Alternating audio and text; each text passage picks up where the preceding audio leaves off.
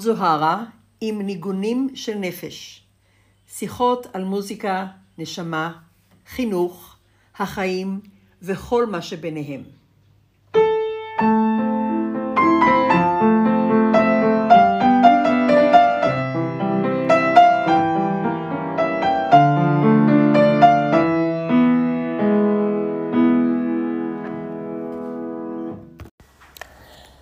אהלן, אהלן, אהלן. ואני בחזרה באוסטרליה. אחרי שלושה חודשים של uh, טיולים ארוכים, של מסעות בנפש ובחוץ. בפולין, בישראל, בספרד. Uh, טבלתי באהבה של חברים מהרבה שנים, של משפחה, שתמיד אתה איתי, של חברים חדשים, של...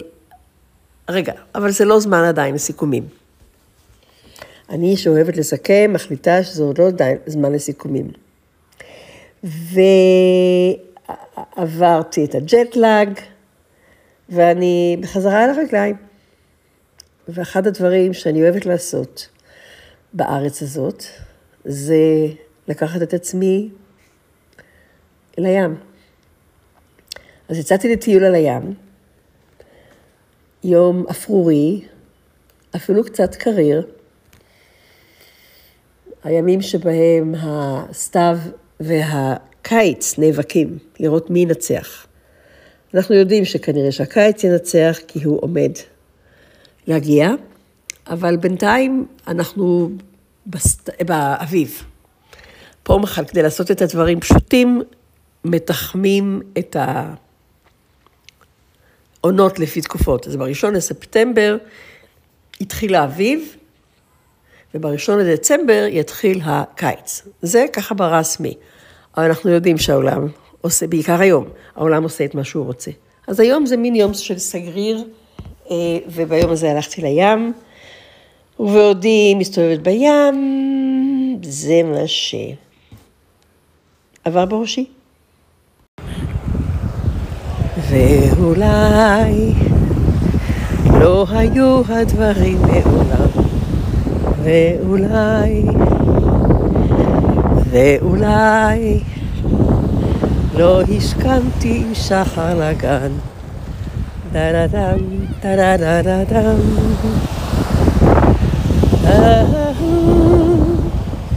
בימים אדומים, דה דה דה דה דה לה נה נה נה נה נה עם רומי עגלה עמוסה ושכחתי את המילים. נה נה נה נה נה נה.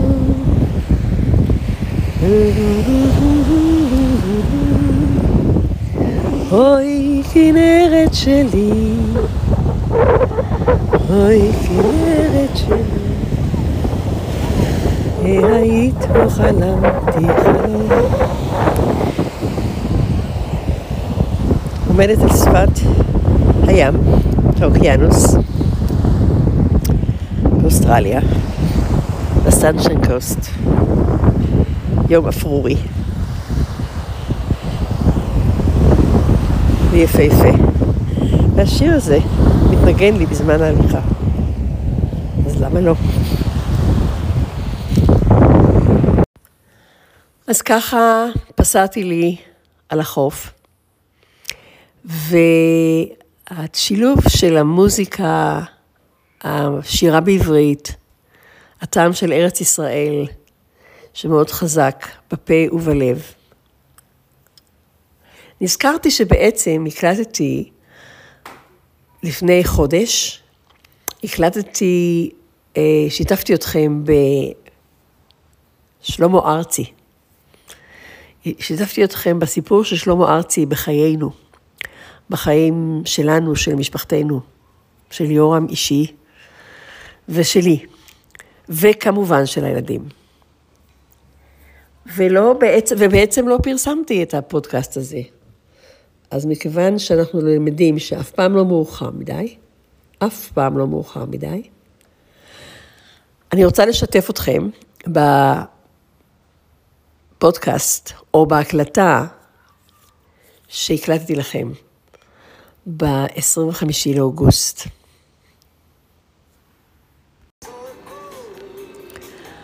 יורם, האיש שלי, אהב את שלמה ארצי יותר מכל הזמרים שהכיר אי פעם. בינינו היה מין משהו מצחיק, כמו קינטור. הוא היה איש של שלמה ארצי, ואני הייתי של יהודה פוליקר. והוויכוחים היו יותר בעצם מהכיוון שלי, אל הכיוון שלו. הוא פשוט אהב את שלמה ארצי, no matter what. הוא אהב את שלמה ארצי באש ובמים. שלמה ארצי ליווה אותו בשיריו, מהמקום של כשעוד היו תקליטים, אחר כך זה עבר לקסטות, ואחר כך זה עבר לדיסקים, ואחר כך זה עבר לפלייליסט שהכנו לו בספוטיפיי וכולי וכולי. הוא תמיד אמר ששלמה ארצי מלווה אותו כל חייו. זה הזמר וזה הדבר שמלווה אותו כל חייו. זה התחיל בארץ, בטבעון, זה עבר דרך כל הטיולים וכל הספארי שהיינו עושים בקניה, עבר לסידני, עבר, אה, אחר כך שעברנו לסנשיין קוסט בקווינסלנד. שלמה ארצי נוגן גם בתקופה שיורם היה חולה, בתקופות שיורם היה חולה. שלמה ארצי תמיד היה שם. ותמיד אני הייתי עם, או, אתה עם השלמה ארצי שלך, אולי לא אמרתי במילים, אבל הפנים שלי הראו את זה בעלי, לא ניסיתי להסתיר. הוא חייך, הוא פשוט אהב את שלמה ארצי. לימים הוא גם אמר ששלמה ארצי בסיפורו, כמה שהוא ידע עליו, מזכיר לו אותו. והאמת היא שלפעמים שלמה ארצי במראה שלו הזכיר ליורם שלי את עצמו. היום אני רואה את זה יותר מפעם. אולי גם פעם ראיתי, אבל הייתי עסוקה בלקנטר אותו ולתפוס את המחנה השני. בערוב ימיו, בימים שבהם יורם היה חולה וגסס, שמענו הרבה את שלמה ארצי. לא רק שמענו הרבה את שלמה ארצי, אלא גם שרנו שלמה ארצי. שרנו שלמה ארצי, עודד ניגן על הגיטרה, עודד בני, ונועה ביתי ואני היינו שרות. שרות ובוכות. יורם היה יושב לידינו, ליד השולחן, או במיטה, במיטה, עוצם עיניים, ועם. בידיים אה, זז עם הידיים לקצב, כאילו מנגן על תופים נסתרים, לא נראים, מנגן על גיטרה נסתרת ולא נראית. עיניים עצומות בידיים מנצחות, מנצחות מלשון של מנצח לתזמורת. ושלמה ארצי היה המלווה הקבוע. בימים קשים, בימים רכים, בימים טובים, בימים עצובים. שלמה ארצי היה הנוף של חיינו.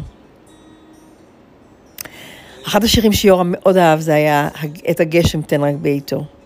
וכשהוא היה כבר מאוד מאוד חולה, היינו שרים את זה ביחד, ונהנים להצטרף בפזמון, ושוב עם הידיים, כל מיני מטילים את הידיים ואת החלק העליון של הגוף, בשמחה, בדמעות, את הגשם תן רק בעיתו, ובאביב פזר לנו פרחים. וכולי וכולי, ויותר מזה אנחנו לא צריכים. והייתה תנועה שהייתה מלווה את, יותר מזה אנחנו לא צריכים. אחרי שיורם נפטר, שלמה ארצי התנגן בחדר,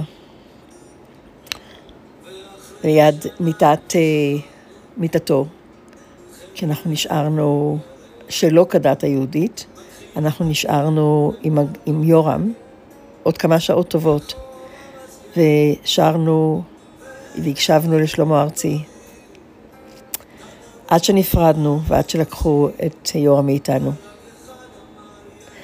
בלוויה של יורם שרנו שלמה ארצי, הקשבנו לשלמה ארצי. וכשחזרנו מהלוויה, ישבנו שלושתנו, ילדיי ואני, שרנו ובכינו. השרנו ובכינו. בימים שהיו אחר כך מצאתי ששלמה ארצי הפך להיות הזמר שלי.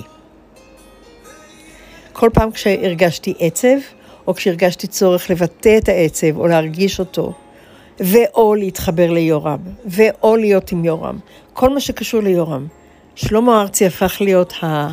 שוב, בן הלוויה הכי טבעי, בזמן שיורם כבר לא פה איתי. או לא פה איתי בגוף, אני צריכה להוסיף. ואני הפכתי להיות אוהבת ואוהדת של שלמה ארצי. באיזשהו מקום אני מבינה שיש בי, תמיד היה בי החלק של הילדה המורדת. מרדתי באימא שלי ואחר כך עברתי למרוד ביורם. הוא תמיד קיבל את זה באהבה, הוא לא לקח את זה יותר מדי ללב. הוא הבין. הוא הבין יותר ממה שאני הבנתי, ועוד הרבה לפני שאני הבנתי. אני לפעמים נהניתי להתנצח, והוא פשוט חייך. ו... shrugged, אני לא יודעת איך אומרים את זה בעברית.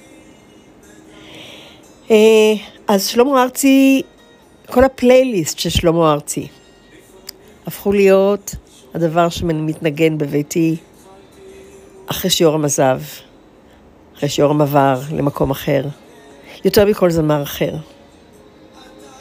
הדבר המפתיע אולי יותר מכל זה שיורם אף פעם לא ראה הופעה חיה של שלמה ארצי. אף פעם. היו פעמים שביקרנו בארץ ואמרתי ליורם, בוא נחפש אם יש הופעה של שלמה ארצי ונלך לשמוע. והוא לא רצה. הוא לא, עזבי, לא, לא. מעניין למה. אני לא יודעת, אף פעם לא התעקשתי. חשבתי שזה חלק מה... לא יודעת אפילו ממה. כמובן שכשידעתי שאני מגיעה לארץ, לביקור, שנה אחרי שיורם נפטר, ידעתי שאני רוצה לראות הופעה חיה של שלמה ארצי. בפעם הראשונה בחיי. ומחרתיים, אנחנו הולכים ארבעתנו, בני, בתי, כלתי ואני, לראות הופעה של שלמה ארצי. ואני כבר מתרגשת. ובכלל לא משנה איך ההופעה תהיה. ובכלל לא משנה אמ, מה יקרה בהופעה כרגע. מה שכן משנה זה שהאורח הכי חשוב שיהיה איתי שם, זה יהיה יורם. אני לוקחת את יורם ואת בני משפחתי האוהבים להקשיב לשלמה ארצי, וזה לא מקרי שהשיר שכרגע מתנגן בפלייליסט הוא זה.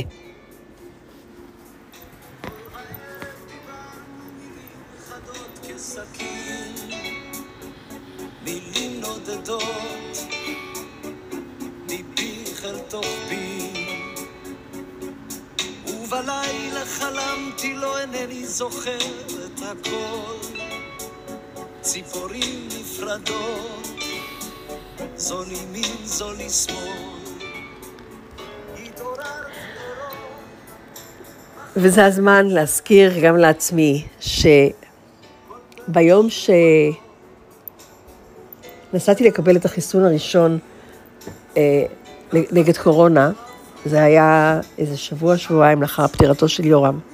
זאת הייתה הפעם הראשונה שהרגשתי שאולי אני, אני מראה סימנים שאני רוצה להתחבר לחיים לאחרי מותו. כי אני רוצה לחסן את עצמי בפני קוביד, ואולי אני אוכל לנסוע לארץ. נכון שלקח שנה מאז, כי הגבולות שלנו היו, השמיים היו סגורים באוסטרליה. ואני נוסעת, חוזרת בחזרה לקבל, מקבלת החיסון הראשון, ומרגישה איזשהו אה, איזושהי תחושה של התעלות בפנים, ומדברת עם יורם, כמו תמיד, ואומרת ליורם, עשיתי את זה. אני מתחילה לעשות את מה שהבטחתי, או מה שאתה ביקשת שאני, שאני אעשה. ביקשת שאבטיח לך, ולא יכולתי להבטיח לך, כי הייתי יותר מדי כואבת. אז אני רק רוצה לספר לך שאני עשיתי חיסון. ואני מדליקה את הרדיו, ורק לספר לכם שאז עוד לא היה לי שום פלייליסט של שלמה ארצי. זה קרה יותר מאוחר, בעקבות מה שאני עומדת לספר. והדלקתי את הרדיו, באוסטרליה, כן? ומשום מה, מה שמתנגן ברמקול, זה השיר היחיד שאפילו לא ידעתי שהיה לי, של שלמה ארצי, ב Apple Music. אני לא מחוברת ל Apple Music, ואין לי פלייליסט של שלמה ארצי ב Apple Music, ואין לי שמץ של מושג איך זה הגיע לשם, אבל כמו שהדלקתי את הרדיו, מה ששר זה רוב הזמן את אשתי. רוב הזמן את אשתי. ואני החלטתי אז, מעל צל של ספק, שכשיורם איננו הוא מדבר אליי דרך שלמה ארצי. הוא ממשיך לדבר אליי דרך שלמה ארצי. רוב הזמן את איתי, רוב הזמן את אשתי. יורם שלי.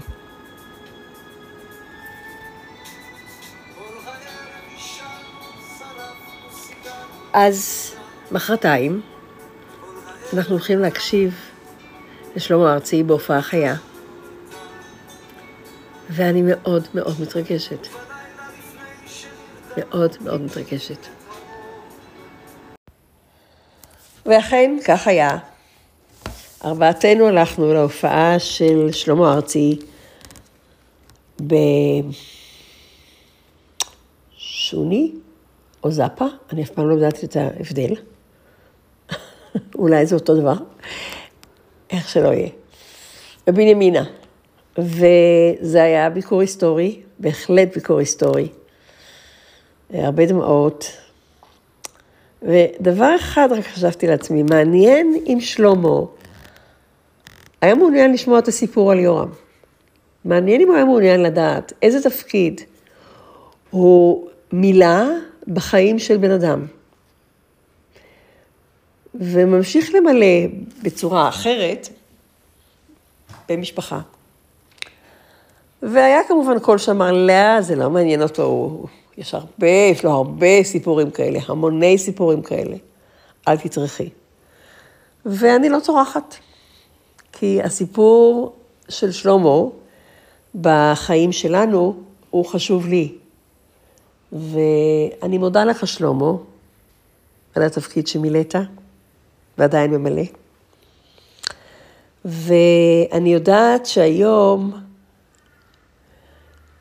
אתה ממשיך למלא, אתה, אתה ממשיך לסמל בעיניי את uh, ארץ ישראל שיורם זכר, ארץ ישראל שיורם מתגעגע אליה, ארץ ישראל שכבר איננה, ואולי חלק גדול של אנשים עדיין מתגעגע אליה, אבל זה היה רגע של נוסטלגיה. אז זהו, אני בחזרה פה, כמו שסיפרתי לכם בתחילת הפודקאסט, ולמידה שכל כך הרבה תכנים וכל כך הרבה אה, מהויות אנחנו יכולים להביא מארץ לארץ. אחד הדברים שבארץ ריגש אותי זה היכולת לתקשר רק בעברית. אחרי הכל, שפת אם, יש לה תפקיד חשוב מאוד בחיים. הנפש שלנו מדברת בשפת האם. האינטליגנציה אוהבת לדבר באנגלית, אצלי, מאוד אוהבת לדבר באנגלית, אחרי הכל, הרבה הרבה שנים שאני מדברת אנגלית, אבל החיבור לעברית הוא תמיד שונה, כי עברית זו שפת האם שלי. לתוך העברית נולדתי. יש לי פה חברה ישראלית, שחיה פה גם של הרבה שנים, קצת פחות ממני, אבל עדיין הרבה שנים, שחלתה לאחרונה, לפני כמה שנים, וסיפרה לי שהיא הייתה מאוד רוצה לחזור לארץ. ולשאלתי, למה עכשיו? היא אמרה, כי אני רוצה להיות עצובה בעברית. אני רוצה לבכות בעברית. וזה משפט מדהים. משפט מדהים.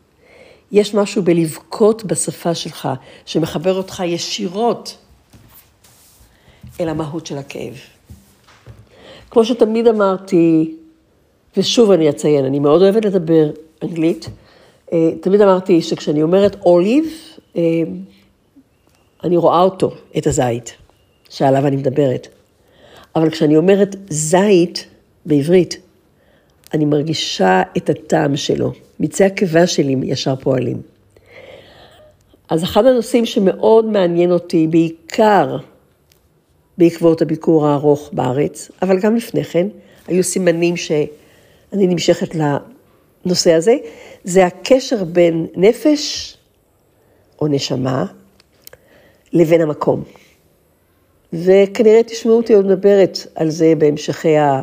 בהמשך, בפודקאסטים הבאים. הקשר בין נפש ומקום. ואפרופו נפש, אני עד היום לא יודעת אם כשאני מתכוונת לסול, כשאני מדברת על סול, S-O-U-L, האם בעברית זאת נפש או נשמה? אז לפודקאסט קראתי ניגונים של נפש. אני אוהבת את המילה נפש. וכנראה שאני אמשיך להשתמש בשתי המילים. אני אוציא את הנשמה לשם הזה.